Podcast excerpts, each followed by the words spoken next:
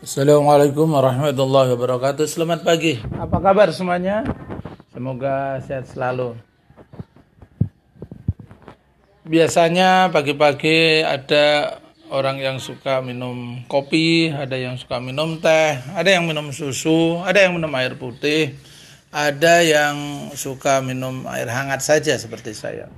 Nah, ketika minum sebelum dituangkan ke dalam gelas, ada juga yang Eh, minumannya itu disimpan di dalam sebuah teko.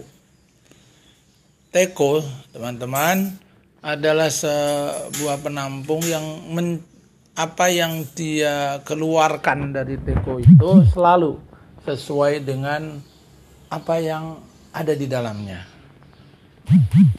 Ini menarik karena kadang-kadang kita juga sering melihat orang ketika bicara yang keluar kata-katanya selalu yang baik-baik saja. Tapi sebaliknya, ada juga orang yang kalau bicara yang keluar kata-kata yang mohon maaf. Kadang-kadang kata-kata kotor, jorok dan suka uh, ya begitulah mengeluarkan kata-kata yang tidak enak didengar. Bahkan ada yang suka mengeluarkan uh, kata-kata mengabsen nama-nama binatang di kebun binatang. Tentu saja ini tidak elok didengar kata-kata kalimat yang muncul yang keluar dari mulut kita sesungguhnya bisa jadi itu mencerminkan apa yang ada di dalam isi pikiran kita dan itu sangat tergantung dari apa yang selalu masuk ke dalam pikiran kita.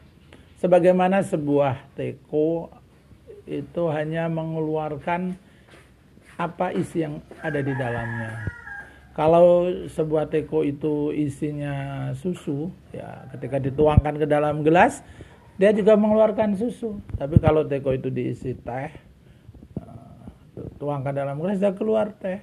Kalau dalam teko itu, mohon maaf, diisi air comberan, ya keluarnya air comberan. Nah, teman-teman, apa yang keluar dari mulut kita itu bisa jadi mencerminkan apa yang ada di dalam hati kita. Maka hati-hati dengan konsumsi hati kita. Hanya masukkan informasi-informasi yang baik, berita-berita baik ke dalam hati kita, ke dalam pikiran kita. Hanya selalu memikirkan kebaikan-kebaikan, memikirkan hal-hal yang positif saja sehingga apa yang keluar dari mulut kita adalah sesuatu yang positif.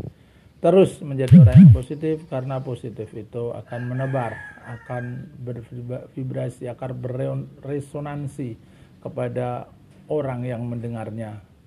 Saat seperti ini kita membutuhkan sekali banyak kalimat-kalimat positif, banyak informasi-informasi baik sehingga akan menguatkan imunitas kita dan akan menguatkan stamina stabilitas stamina emosi kita.